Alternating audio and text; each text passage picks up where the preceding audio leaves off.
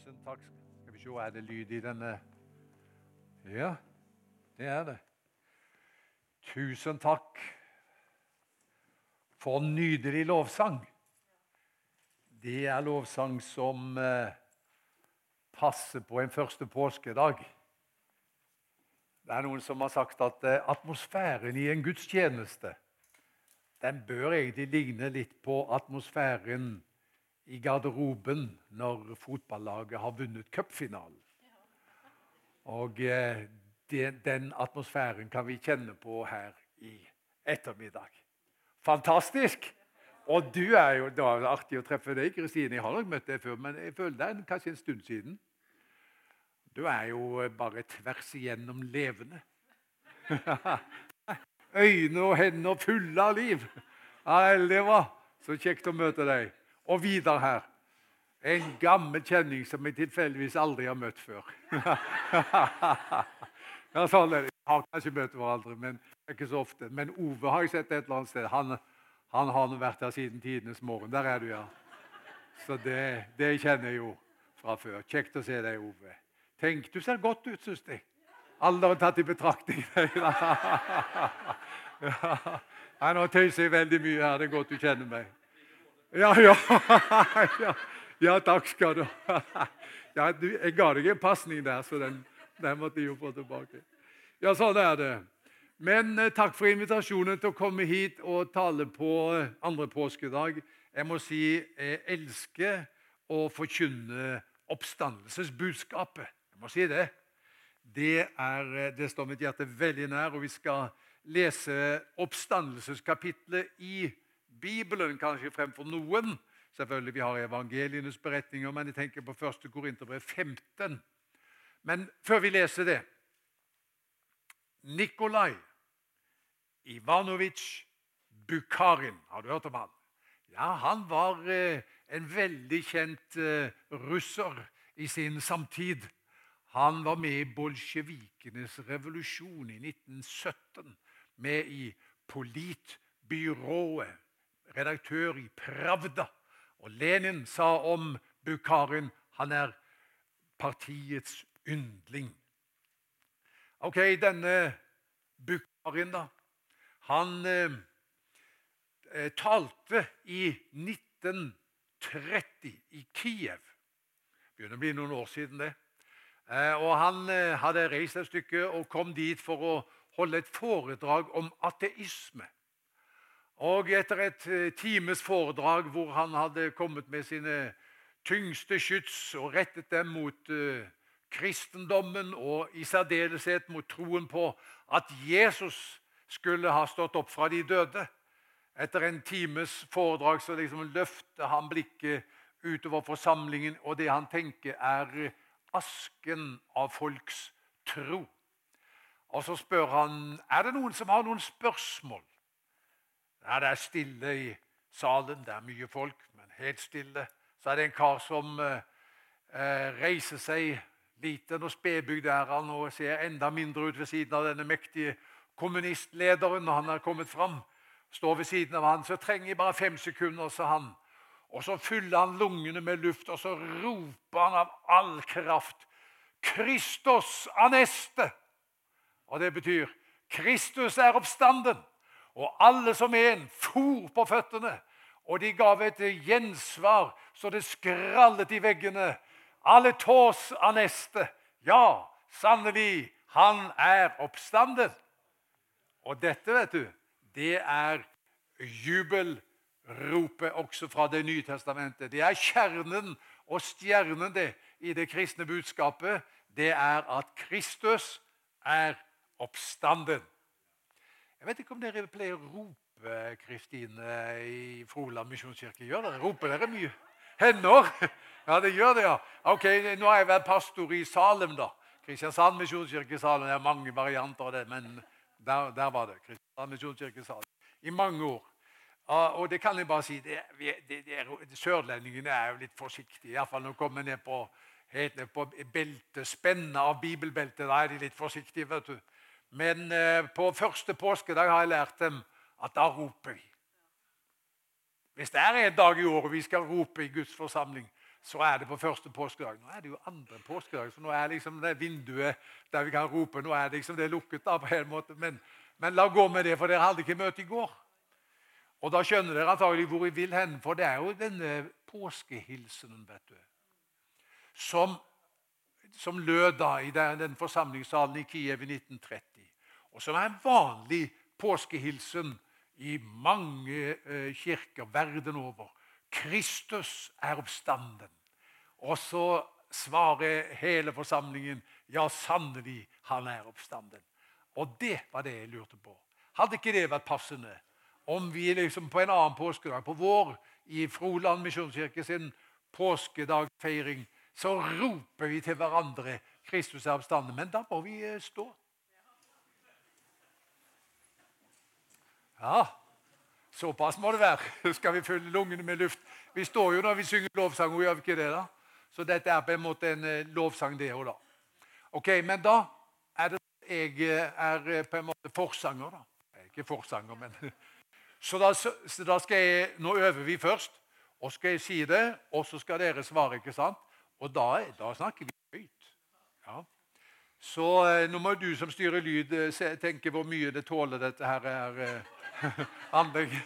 Jeg har ikke så mye stemme i det, så det går greit. Men nå prøver vi en gang. Dette er prøveomgangen. Kristus er oppstanden! Ja, ikke sant? Jeg burde kanskje sagt det. Du, kan, du, må komme fram her, du, Kristine. Og så, har du en mikrofon der. Ja, fordi at det, Du skal jo si 'Ja, sannelig, han er oppstanden'. ikke sant?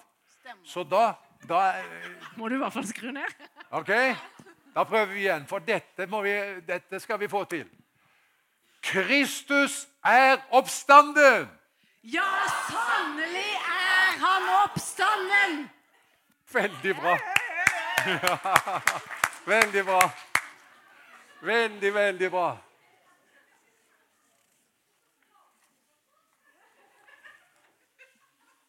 Det tror vi på, vi som er samlet her i, eh, i eh, kveld. Får vi si når det begynner å nærme seg kveld. Sent på ettermiddagen. Det tror vi på. Vi tror at Kristus er oppstanden. Det er en tro som vi ikke deler med alle i liksom hele Norge, eh, faktisk. Rett før påske så har jo Statistisk sentralbyrå kommet ut med en svar på en eh, spørreundersøkelse. Dere fikk det sikkert med dere. Tror dere på Bibelens budskap om at Jesus er stått fysisk opp fra de døde? Og så eh, svarte eh, et utvalg av det norske folk på det. Og svaret var, noen av dere da vet, at det er 12% i Norge tror at Jesus sto fysisk opp fra de døde. Ok, 12 eh, er jo bra, det, da, for så vidt. Gud velsigne de 12% som tror det. Gud kan gjøre mye gjennom 12% han, Jesus hadde tolv disipler, og han fikk gjort mye gjennom den. Så Gud velsigne den 12 i Norge som tror at Jesus sto fysisk opp fra de døde. For det er sant, det gjorde han. Likevel så er det da mange i folket vårt som ikke tror på det lenger. Kanskje var den prosentandelen mye større før. Det har vi vel grunn til å anta. Og hvorfor eh, tror man ikke på det, da? Er det fordi at man eh, har undersøkt eh, materialet grundig, og så har man konkludert? Antagelig ikke. Det er ganske mye uvitenhet i det norske folk i forhold til oppstandelsesbudskapet. Og jeg tenker Det er tre elementer i oppstandelsesbudskapet som det norske folk trenger å høre. Vi har fått det betrodd, og vi må formidle dette ut til nasjonen vår. For dette er kraftfulle saker. Og det er For det første oppstandelsesbudskapet er unikt. For det andre oppstandelsesbudskapet er troverdig. Og for det tredje oppstandelsesbudskapet er livsforvandlende. Så dette er de tre knaggene. Så hvis du kommer hjem til ektefellen din, og eh, han eller hun Hva talte han Geir om i kveld? Jo, da var det lett å huske. Han snakket om at oppstandelsesbudskapet er unikt, det er troverdig, og det er livsforvandlende. Jeg lurer på om jeg kan spørre deg eh, Av en eller annen grunn så er jeg litt tørst tørstig, litt tørr i munnen. Og jeg vet at det er tørre predikanter. Det er ikke mye å høre på. Et glass vann. Vil du hente det til meg?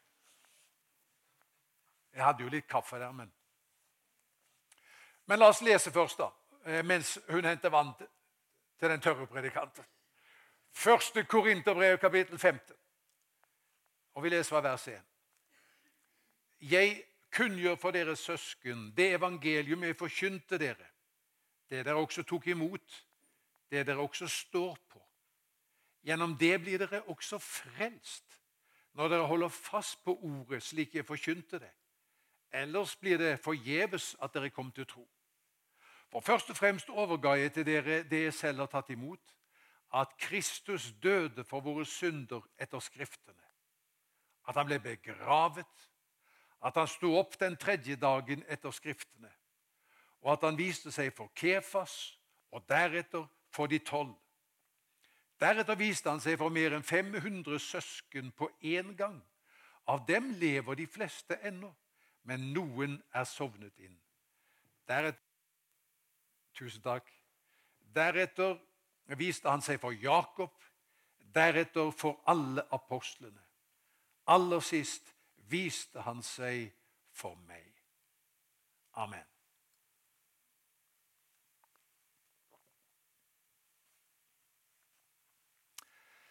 For det første, da.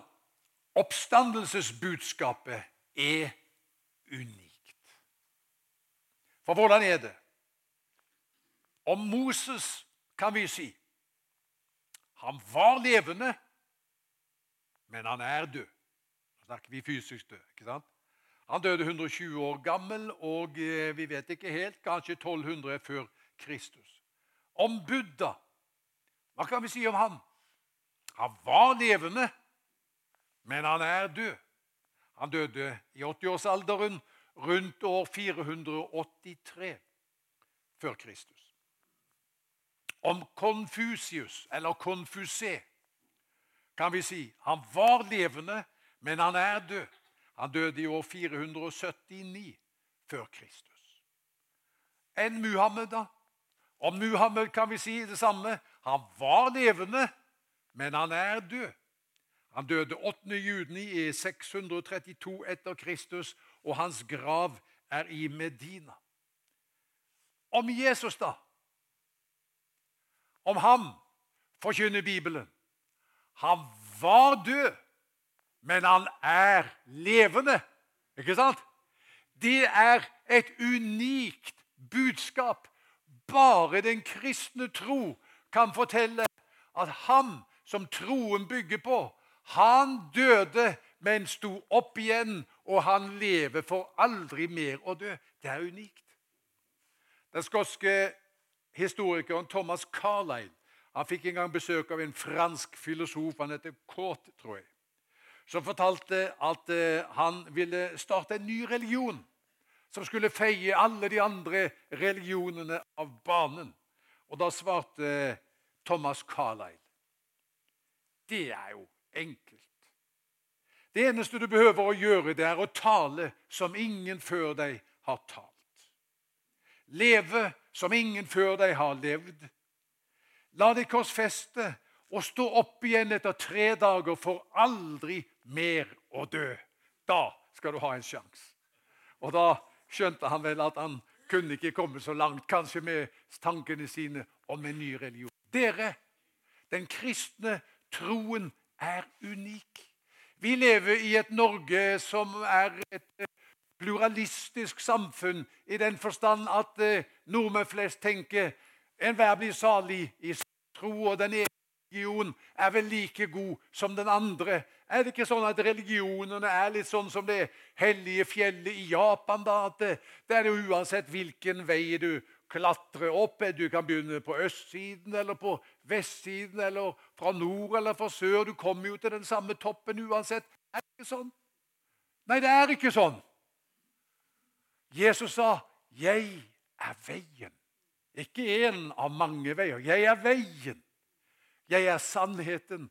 Jeg er livet. Og dette unike budskapet er det at eh, nordmenn trenger å høre. Så de liksom får øynene for det, da, som et utgangspunkt i alle fall.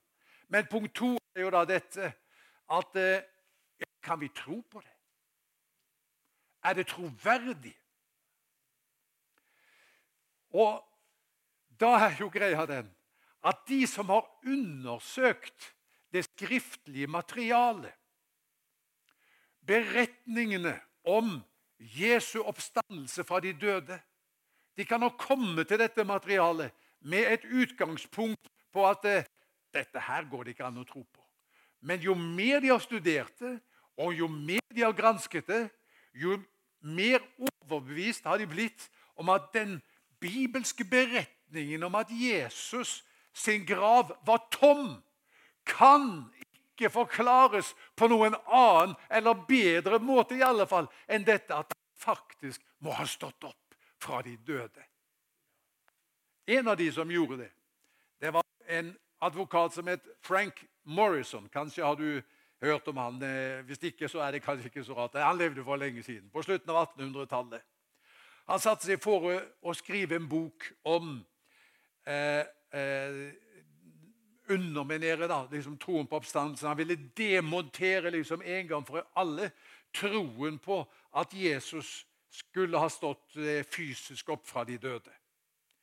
Og som han omhyggelig jobbet med det bibelske materialet, og kanskje noen utenom bibelske også, for det finnes noen referanser også til Jesus utenfor det bibelske materialet, så måtte Frank Morrison forandre mening.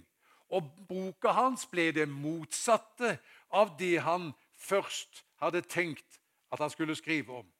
Boka fikk tittelen 'Who Moved the Stone'? Hvem flyttet stenen? Og Første kapittel i boka heter betegnende nok 'Boka som nektet å bli skrevet'.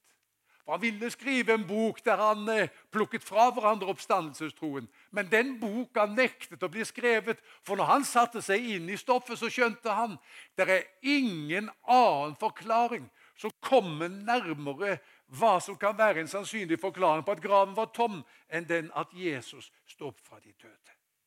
Den boka er kommet eh, i nye opplag, og eh, en eh, som har skrevet et forord da, i det nye opplaget til denne boka, 'Who Moved the Stone'.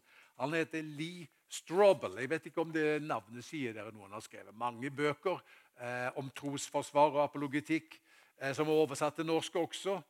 Eh, og jeg kjenner litt til Lee Strobel, som skrev dette, dette forordet.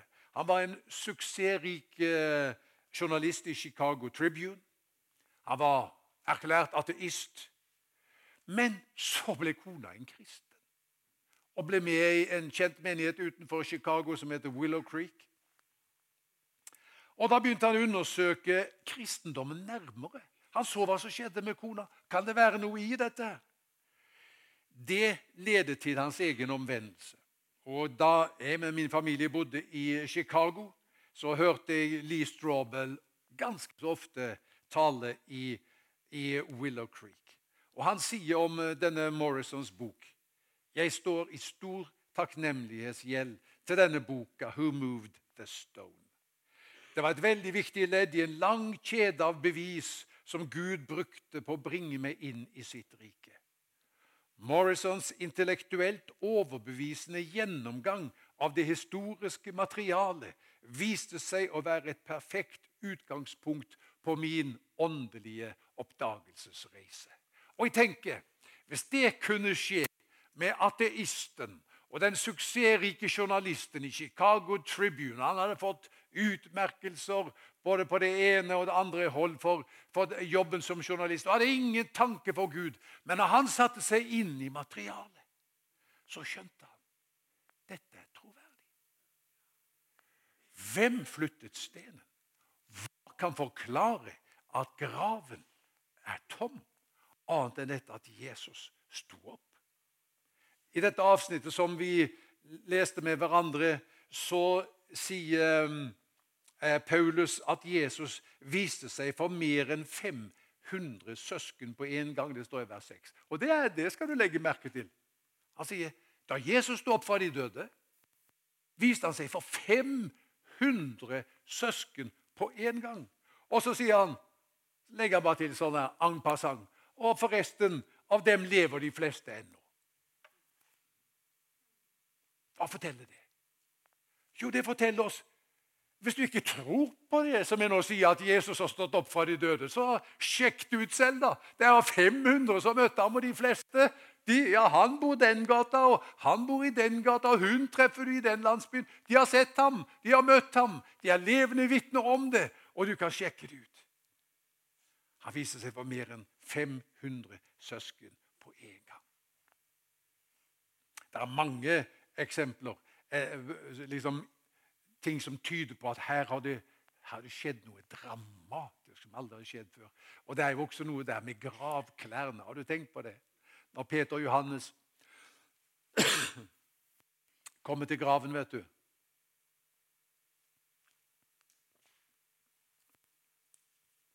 Så ser de inn i graven. Så står det de så og trodde. Hva var det de så? De så og trodde. Her hadde det ikke vært et gravrøveri. Gravklærne som Jesus var hyllet inn i, lå der jo ennå. Legg merke til at det står at det som han hadde rundt hodet, det lå liksom der, og så var det resten der. Og De som har eh, forsket på dette, de sier jo det at eh, antagelig det synet de møtte, det var som synet av en puppe eller kokong som var forlatt. Den lå der liksom urørt. Det var bare kroppen som var borte, like som fordampet. Så de skjønte han som sa 'Jeg skal lide mye'. Jeg skal overgis til hedningene. De skal korsfeste meg. Men den tredje dagen skal jeg stå opp. Og når de ser i graven, så ser de, og så de. Og vi kan jo spørre oss Forresten, ja, forresten har dere lest den lille boka 'Linklede i Torino' av Oddvar Søvik? Noen av dere har lest den kanskje? Jeg kjenner jo Oddvar Søvik godt. Og Han, eh, han er jo he, helt overbevist om at dette likkledet som er i Torino, det er det kledet Jesus var pakket inn i. Jeg har selv vært nede og sett det. Vi var nede i et bryllup i, var? I Milano. Så dro vi til Torino, for det var tilfeldigvis utstilt. Jeg må innrømme det. Det var sterkt å komme inn i dette mørklagte rommet og se dette svære kledet. Og se avtrykket, som helt tydelig er av en mann. Det er lett å se. Og vi kan tenke, Hva slags krefter er det som har vært i sving, som har satt et sånt avtrykk ikke sant, på dette kledet? Så jeg har, ikke, jeg har, ikke, tid til å gå inn i alle detaljene på alt det, men, men, er du interessert, så finnes det så mye materiale som er med å underbygge denne påstanden som, som eh, jeg gir deg i dag. at det, Budskapet om Han som sto opp fra de døde, det er troverdig. Det kan vi tro på. Den bibelske fortellingen, den står til troende. Jeg mener, Da tar det jo fyr, ikke bare i Kristine, men det tar det fyr i oss alle sammen. For det er jo sant, dette. Han har stått opp, som en sa. Livet mitt Jeg møtte Jesus. Det er blitt så forvandlet, det er blitt så levende for meg. alt. Jeg lever som Jesus døde i går. Sto opp i dag og skal komme igjen i morgen. Det er livet mitt nå. Livet mitt er Kristus. Og vi kan kjenne oss igjen i det. Men dere, det er ikke bare um, unikt. Det er ikke bare troverdig, men det er også livsforvandlende, budskapet om oppstandelse. Og eh, her er det, Man kan angripe dette fra mange vinkler. La meg bare eh, si det sånn nå, at Budskapet om Jesu oppstandelse det har betydning for tre viktige dager i livet ditt. Og Da tenker jeg ikke på fødselsdagen og bryllupsdagen og, det, det er, eh, og en tredje. Det er viktige dager. Men tre viktige dager i livet ditt, det er gårsdagen. Det er dagen i dag. Og så er det morgendagen. Er du enig? Det er virkelig tre viktige dager. Og i budskapet om Jesu oppstandelse, det har så stor betydning for de tre dagene der. For det, Du kjenner uttrykket 'gårsdagen er forbi'. Morgendagen kjenner ingen. I dag hjelper Herren. Eh, la oss se på det. For det første, da, gårsdagen. Gårsdagen er forbi. Ja, det høres fint ut, sier du kanskje. Men er den egentlig forbi? Jeg bærer på så mange måter gårsdagen med meg. Tanker jeg ikke skulle tenkt, ord jeg ikke skulle sagt, ting jeg ikke skulle gjort. Det har farga livet mitt på et vis. Og Jeg kan ikke si annet enn at eh, jeg har det med meg inn i dagen i dag, det som skjedde der i går. Kanskje noen av dere leser boka, andaktsboka 'Bibelens mysterier'? Gjør dere det? Av en som heter Jonathan Kahn. Han har et lesestykke om dette her 'Gårsdagen er forbi'. Eh, med utgangspunkt i Jesaja 1,18, der det står om dine synder er røde som skarlagen, skal de bli hvite som ull. Tøy er jo i utgangspunktet ikke rødfarget, er det det? Men du får rødfargen ved å legge tøyet i et kar med rød farge. Og På samme måte kan synder og nederlag farge livet vårt. Ja, jeg må si jeg har møtt mennesker som, eh, som sier det.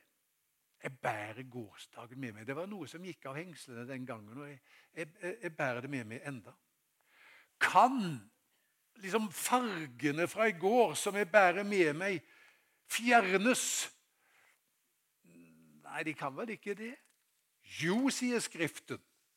Det kan de. Gud kan gjøre rødfargede plagg hvite som ull igjen. Det, det som farget livet ditt negativt, kan han fjerne. Han kan gi deg en ny fortid. Hør. Og det her, han Jonathan Kahn har en sånn der formulering som er virkelig eh, frisk. Han sier det er ikke sånn at, det, at det Gud alene tilgir og ser på deg som om du ikke har syndet. Men han endrer fortiden din og gir deg en ny plettfri fortid. Hørte du det? Det trenger nordmenn å høre. Ved Jesu død og oppstandelse hadde skjedd at du aldri har syndet. Den skyldige blir uskyldig, den tilsmussede blir ren, den forkastede, den høyt elskede. Det er det det betyr å, å bli rettferdig og få del i Guds rettferdighet. Det som skjedde på korset da Jesus døde, det er jo evangeliet om det store plassbyttet. I 2. Korinter 21 står det han som ikke visste av synd, ble gjort til synd for oss for at vi i ham skulle få Guds rettferdighet. Så det betyr at Jesus tar min fortid, og så får jeg hans fortid. Hvordan er hans fortid? Han syndet jo aldri. Jeg har fått Guds rettferdighet. For et plassbytte! Han ble det jeg var, for at jeg skulle bli det som han var og er. Det har jeg fått del i. Han ble overgitt til døden for våre synder og oppreist for at vi skulle bli rettferdige for Gud. De gamle predikantene pleide å si langfredag betalte Jesus regningen, og påskedag ga Gud oss kvitteringen. Ikke sant? Langfredag bygde Jesus broen over den avgrunnen som skilte oss fra Gud, nemlig våre synder. Påskedag eh, så var det en høytidelig åpning. Gud erklærte broen for åpnet. Nå er den åpnet. Og altså det du får del i, da, det er Guds rettferdighet. Du er retten. Det er jo eh, Jeg vet ikke Her i Froland så er det vel mange gode skiskyttere, er det ikke det? Det er skiskyting det handler om her, er det ikke det? Altså, jeg burde jo kunne navnet på alle de gode skiskytterne som kommer fra Froland. Hjelp meg med en, da. Hæ? Ja, ikke sant? Marte Olsbu. Kjenner du henne? Gjør du? Er hun grei? Ja, ja, ja. Hvordan er hun på standplass, da? Er hun, er hun god å skyte? Er det innertier hele veien? Er det det? Ja! Hun bommer aldri. Hva sa du? Ja, hun er veldig god av olympisk gull. Men det er kanskje til og med Marte jeg vet ikke bommer en gang iblant. Kanskje. Hvis ikke Marte, så iallfall eh, hun der svensken som hun konkurrerte mot. Det kan hende hun bommer. Det er ikke godt å si. Men poenget mitt er nå at hvordan er det ikke sant, når man bommer på standplass? hvordan er Det da? Ja, det er veldig kjipt. Da går man strafferunder. Mens de andre som har truffet blink, de går på vei mot mål og gull. vet du. Og så er de som har bommet, går strafferunder. Og så vet jo han videre, og kanskje dere andre også, at et av de greske ordene for å synde betyr nettopp å bomme på målet. Bomme. Kanskje ta litt til noen her i kveld som har bommet på målet. Du har syndet, og du vet det. Og du bærer det med deg. Det er lenge siden nå. Og så bærer du det med deg. Enda det er lenge siden, når gårsdagen er forbi, så bærer du det med deg.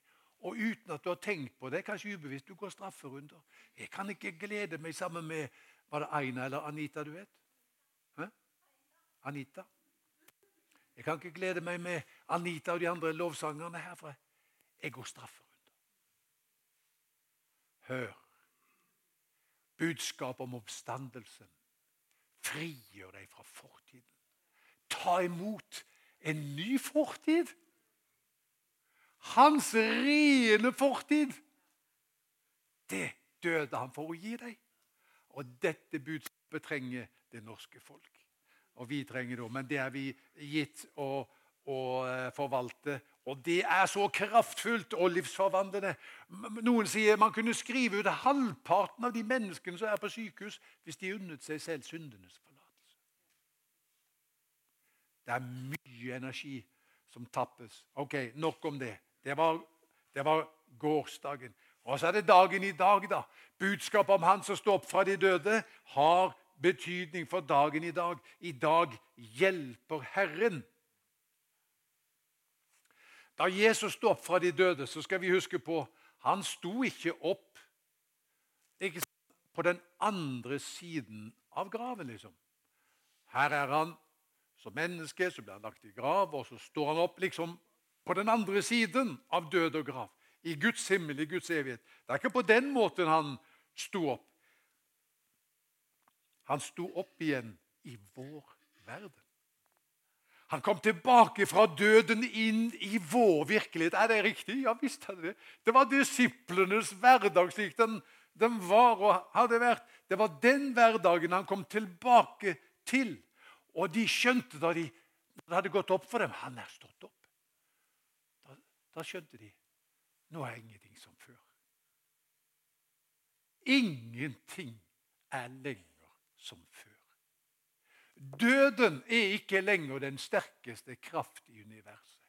Jesus var så full av liv at døden kunne ikke holde på ham. Han ble lagt i graven, og Gud reiste ham opp av graven for, aldri, for at han aldri mer skulle dø. Og da skjønte de nå har døden, som er den sterkeste hittil sterkeste kraft i universet, mistet sin makt. Og vi kan regne med Jesus som den sterkeste i vår tilværelse. Det kan du også regne med. Ja, men det var synd, sier du. Det er en tid du ikke har tatt med i dette nå. Du har glemt Geir akkurat nå. Du har glemt Kristi himmelfart. Det kommer du ikke på når du sier dette du sier nå. Ja, men hva var Kristi himmelfart? Var det begynnelsen på guddommelig fravær? Han for opp til himmelen. Det var egentlig litt dumt. For det var bra hvis han hadde vært her. Ja, men poenget er han for opp, står det i Efeserbrevet kapittel 4, for å fylle alt. For å fylle verdensaltet med sitt nærvær, faktisk. Det er det det handler om. Så når han setter seg ved Faderens høyre hånd, du, så står det her nede, her, hans evige armer, så er det den mest strategiske plasseringen han kunne ha. Nå kan han gjøre sin kraft gjeldende overalt. Så Kristi himmelfart det er ikke liksom en sånn nedtur det, er, det forteller nå kan han gjøre sin kraft gjeldende overalt. Også i dette møtet. Jesus er her. Han ser hva du strever med. Han kan møte deg. hjelpe deg med dagen i dag. I Markus 6 leser vi at disiplene er i storm. Det har jeg tenkt på en del i det siste. For det er jo vi jo for tiden. Vi er jo i storm. Noen kaller det vi opplever i den vestlige verden nå, for en perfekt storm. Har du hørt det uttrykket? Perfekt storm. Hva betyr det? Jo, det er når en rekke uheldige omstendigheter inntreffer samtidig. Så blir liksom stormen så sterk at man bruker det uttrykket da. Perfekt storm. Pandemi, krig i Ukraina, eskalerende priser på mat og drivstoff, dyrstrøm, stigende rente, kronekurs Alt dette her. Kanskje ta litt til noen som kjenner på det. Men da Jesus kom til disiplene da de var i storm, så sier han til dem, 'Vær ved godt mot. Det er jeg. Vær ikke redde.' De er i storm. Han kommer gående til dem på sjøen, og så sier han, 'Vær ved godt mot. Det er jeg. Vær ikke redde.' Og det ordet der, 'det er jeg', det går vi litt glipp av egentlig når vi leser den bare sånn som på, norsk. ikke sant? Det, vi, vi, vi, skjønner ikke hva er det han egentlig sier der. for at det, Han sier egentlig, hvis du ser på gresk, 'Vær ved godt mot jeg er'. Vær ikke redd. Hva mener han med det, da? Ja, Hva var det hebraiske navnet på Gud? Det er Javé. Hva betyr Javé? Jeg er. Så det Jesus sier til disiplene når det er storm, han sier, 'Vær ved godt mot Javé'. Vær ikke redde. Oi, oi, oi! Jeg skal si deg at de lugna ned seg eh, og, og, og roet seg når de skjønte hvem det var som kom til dem. Det var Jesus. Det er Gud selv som i Jesus er blitt menneske og kommer til oss og sier 'vær ikke redd'. Og han som kom til dem da, han kommer til oss nå i den stormen som vi er i. Han som har kommet ut av graven, og han sier 'vær ved godt mot'. Det er jeg. Vær ikke redd. Er jeg med deg? Jeg skal hjelpe deg gjennom dette du er inne i nå. Mange ganger sier Jesus til eh, disiplene sine at de ikke skal være bekymret. Og Det er ikke fordi det ikke er noe å bekymre seg for. Det må vi ikke tenke. Det er ikke sånn at Jesus sier 'Hallo, hva er det dere går og bekymrer dere for?' Det, det er jo ingenting å være bekymret seg for i denne verden. Denne verden er jo så enkel. Dere bare konstruerer dere problemer. Sier han det? Han sier ikke det at det, 'vær ikke bekymret', for det er ikke noe å være bekymret for. Han sier 'vær ikke bekymret'. Du har en far. Det er noe annet. Han, han, sier ikke det, han bagatelliserer ikke utfordringen du står i, men han, han løfter inn et, et, en dimensjon til. Vær ikke bekymret. Det er mye å bekymre seg for, men du har en far. Og den oppstandende kommer til deg i dag. Og så sier han 'Jeg ser hvordan du har det'. Og jeg, jeg sier ikke at det er Jeg forstår hvordan du har det, men vær ikke redd. Jeg skal gå med deg. Jeg husker da jeg var guttunge. Jeg har aldri vært flink til å sparke fotball. Det må jeg innrømme. Jeg har alltid likt fotball, men jeg har aldri vært god til det. Så, men vi sparka fotball, og så var jeg spilte på lag med en kar som var veldig flink. da. Og når at, eh, jeg fikk ballen, jeg tenkte hva gjør jeg nå jeg har fått ballen? Hva gjør jeg? Så hører jeg en som roper Geir, jeg er med deg! Sånn roper vi i Haugesund når vi spiller fotball. Hva sier dere? Det er noe annet. Men i Haugesund sier vi 'Jeg er med deg'! Og da visste jeg hva skal jeg gjøre nå. Der er han Åge. Jeg må få ballen bort av Åge. Og så var det å få ballen til han. Og så kunne, Han var god, vet du, så han fintet ut motspillerne, og han fant nettmaskene. Eh, jeg spilte på lag med han Åge. Budskapet om Jesus som står opp fra de døde, det er budskapet om at de er ikke alene. Tenk om du kunne ta det med deg fra dette møtet. Han nevner navnet ditt. Det er en som heter Aina her, og så er det en som heter Anita, og så er det en som heter Kristine, og så vet jeg ikke hva det heter, Ole, hva det heter alle sammen. Så sier han, nevner navnet, og så sier han, 'Jeg er med deg'. Det er utrolig hva vi kan takle når vi vet jeg møter det sammen med Jesus. Til slutt, Klokka går veldig fort i godt selskap her. Men eh, til slutt Eh, budskapet om Jesu oppstandelse fra de døde de har betydning også for morgendagen. Gårsdagen er forbi. Morgendagen kjenner ingen. I dag hjelper Herren.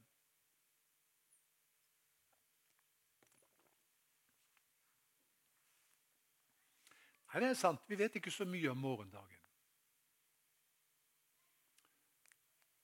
Ikke annet enn dette at han som står opp fra de døde, han er der også i morgen. Og han skal lede historien mot sitt mål. Jeg snakket med en jente. Hun var klimapessimist. Har du hørt om det? Vet du hva en klimapessimist er? Ja. Politikerne er maktesløse, sa hun. Næringslivslederne og de globale, multinasjonale selskapene de har all makt. Og de bryr seg ikke om oppvarming, klodens oppvarming osv. osv. Jeg skjønte henne. Jeg forsto hennes smerte. Og det hun sa til meg, oppsummert, selv om hun ikke brukte de ordene, det hun sa til meg oppsummert, det var dette Dagen er snart slutt, og natten kommer. Det går mot Ragnarok. Det var det hun sa. Vet du hva Bibelen sier? Akkurat det motsatte. Det er ikke dagen som snart er slutt, og natten kommer. Romerbrevet 11 sier natten er snart slutt, og dagen kommer. Ikke sant? Det er det faktum som Jesu oppstandelse fra de døde vet å formidle. Vi går mot en ny himmel og en ny jord. Jesus sier når dere ser alt dette skjer, når dere ser at fikentreet får blomster, og det er tegn av, av ulike slag, endetidstegn, så sier han da vet dere Hva sier han? Hva er det som er nær da? Da vet dere at sommeren er nær. Det går imot sommer. Mot ei lysere tid. Ikke sant? Det er det som er. Så når alt dette skjer, så løft hodet, da. For forløsningen stunder til. Altså, Dette budskapet trenger Norge. For det er så mange som ikke har noen framtidstro lenger. De såkalte millennials. Når er de født? Mellom 1985 og Hva var det igjen, da? Nå har jeg glemt ut. Men, men 1985 og 1995, eller hva det er. Millennials. Er det noen Kanskje det er, er noen, millennials. De kalles for generasjon frykt. Hvorfor det, da? Ja, For de har arvet en kaotisk verden. Og Jeg har jo hørt unge mennesker si det er ingen vits å få barn. Og det ene og det andre, for de har ingen framtidstro. Jeg husker da jeg var guttunge tilbake i den tida jeg var i, hjemme i Haugesund. da. Altså kunne vi jo da lese, Det mest spennende jeg fikk lov å lese da som guttunge, det var Hardyguttene. Jeg vet ikke om det er noen av dere som har lest Hardyguttene. Der er det en som er på min alder. Hardyguttene. Det var skummelt. Og Det kunne jo være så spennende av og til at jeg lurte på overlever de dette greiene.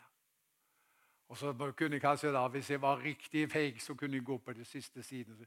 Å ja, der, der, er de enda, ja. De er i det siste kapitlet. De overlevde, gitt. De er på de siste sidene. Og da kunne jeg kanskje våge å lese videre, for at jeg ser det vil jo gå godt. Ja, Men hvordan vil det gå, da, Kristine? Hvordan vil det gå? Ja, Vi får slå opp i de siste sidene, da. Hvordan, hvordan, blir det? Vi må sjekke her. Er vi der på de siste sidene? Og jeg så en ny himmel og en ny jord.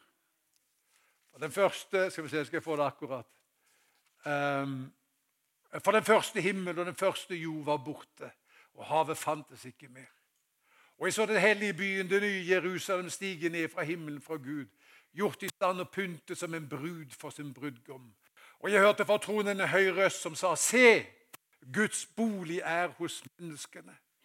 Han skal bo hos dem, og de skal være hans folk. Og Gud selv skal være hos dem. Han skal tørke bort hver tåre fra deres øyne. Og døden skal ikke være mer. Heller ikke sorg eller skrik eller smerte. For det som før var, er borte. Han som sto opp fra de døde. Han sier, 'La meg ta hånd om gårsdagen din og gi deg min fullkomne fortid. Han som sto opp fra de døde, han sier, 'La meg få hjelpe deg med dagen i dag. Jeg ser at du bærer byrder. Skal jeg få lov å bære de sammen med deg? Ikke vær redd. Det skal gå godt, ser du. Han som står opp fra de døde, han sier, 'Jeg skal ta hånd om morgendagen din også.' Du kan ha håp. Det skal bli en ny himmel og en ny jord. Og han skal også kunne ta vare på ditt lille univers. Og det som liksom er planeten og alt dette som, som er ditt solsystem, og det, det som du strever med å, å gå sammen. Han holder hele verden i sin hånd, også din. La oss be. Ja, vi priser deg, Herre Jesus, for at eh, vi har fått lov å møte deg, du den oppstandende. Takk for at eh, du forvandlet vårt liv den dagen. Takk at du frigjorde oss fra fortiden, og du har hjulpet oss hver eneste dag. Alle mine tider er i din hånd. Du har vært der, Herre. Og takk at vi kan ha håp når det gjelder morgendagen også. Jeg har lyst til å be deg spesielt for de som er i Froland misjonskirke i kveld. Som går strafferunder, Herre, og som føler de kan ikke riktig glede seg. Jeg har lyst til å be deg for dem som opplever på kroppen at det, det er faktisk vanskelig å betjene gjelda nå. Det er faktisk vanskelig å få endene til å møtes. Herre, du ser det er noen som ligger litt våkne på natta og tenker hvordan skal det gå. Takk, Herre, at du kommer til dem. Takk at noen ganger stiller du stormen, og andre ganger stiller du oss. Og så blir resultatet det samme. Jeg ber at du skal stille dem, så de får fred i hjertet. Og la de få erfare at du dekker bord for dem like for øynene på deres fiender. Skal du salve deres hode med olje. Deres beger skal flyte over. Jeg priser deg for det, Herre. At når du gjør et forvandlingsunder, begynner du med hjertet vårt, og så ut ifra det så steg for steg ordner det seg. Takk for det du gjør for dem. Jeg legger dem i dine hender. Og Skulle det være noen her i kveld som ikke er frelst, så takker det Jesus for at du er her, for å ta dem inn i sin favn. Takk at ingen har gjort så mange synder at det ikke er tilgivelse å få. Takk at ingen har gjort så store synder at det ikke er tilgivelse å få. Takk at det er hos deg, Herre, kan vi få komme og oppleve du setter oss fri. Prise deg for det. Er det mens vi er i bønn her, noen som kjenner på det? Jeg skulle så gjerne hatt forbønn. Det er så godt å få forbønn når man strever. Skal vi gjerne be for deg nå i fellesskap? Da er det bare jeg som ser hånda di nå. Gud velsigne dere. Er det flere som vil rekke opp hånda? Gud velsigne dere. Det er ganske mange. Gud velsigne deg. Flere? Gud velsigne deg. Gud velsigne deg. Det er ganske mange. Gud velsigne deg.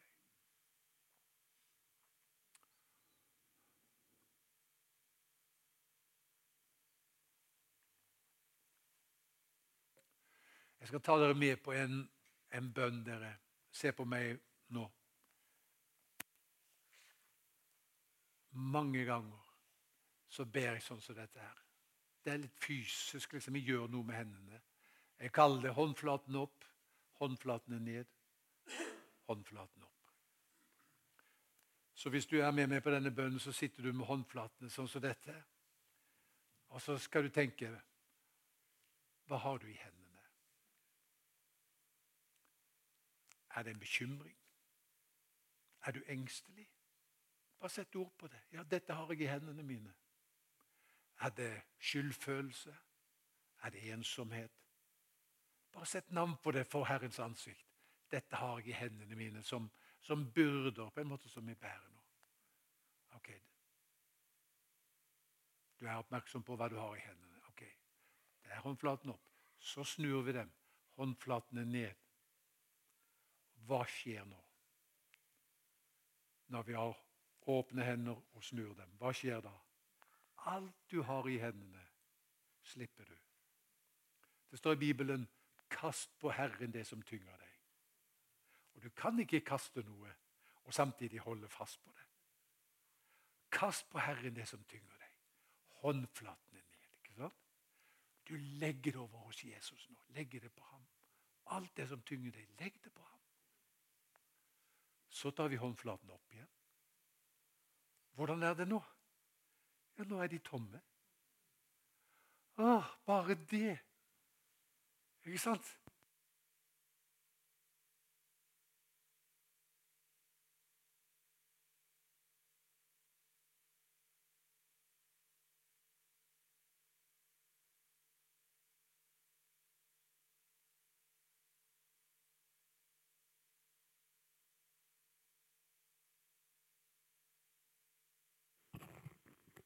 Jesus, nå tar jeg imot din fred.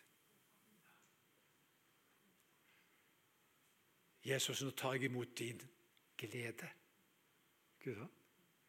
Nå tar jeg imot din styrke. Ditt håp. Takk, Jesus, for at du gir meg det jeg trenger. Jeg tar imot det hos deg.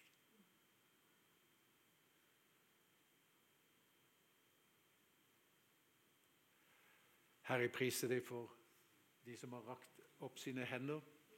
Jeg priser deg for at eh, du ser til dem, og så legger du, dem, legger du nå din fred, din styrke, din glede og ditt håp i deres hender. Priser deg for det. Fyll deres hjerte. Takk at de skal gå annerledes hjem i kveld enn da de kom, fordi de møtte deg, den oppstandende. Du søkte din trøst i den døde og elskede gravnatten kun. Så fikk du den levende møte og salige, salige stund. Takk, Herre, for det du gjør for oss.